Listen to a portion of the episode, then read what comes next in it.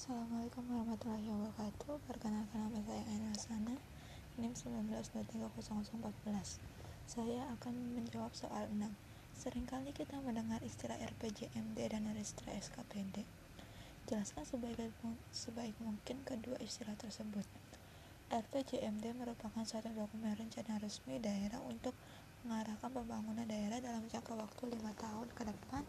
Masa pimpinan kepala daerah dan wakil kepala terpilih sebagai suatu dokumen rencana yang penting, sudah sepatutnya pemerintah daerah, DPRD, dan masyarakat memberikan perhatian penting pada kualitas proses penyusunan dokumen RPJMD dan pemantauan evaluasi dan review berkala atas implementasinya.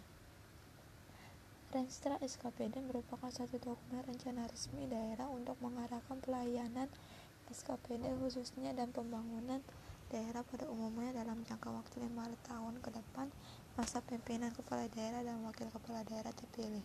Kualitas penyusunan registra SKPD akan sangat ditentukan oleh kemampuan SKPD untuk menerjemahkan, mengoperasionalkan, dan mengimplementasikan visi, misi, dan agenda KDH, tujuan, strategi, kebijakan, dan capaian program RPJMD ke dalam penyusunan registra SKPD sesuai tupoksi SP SKPD.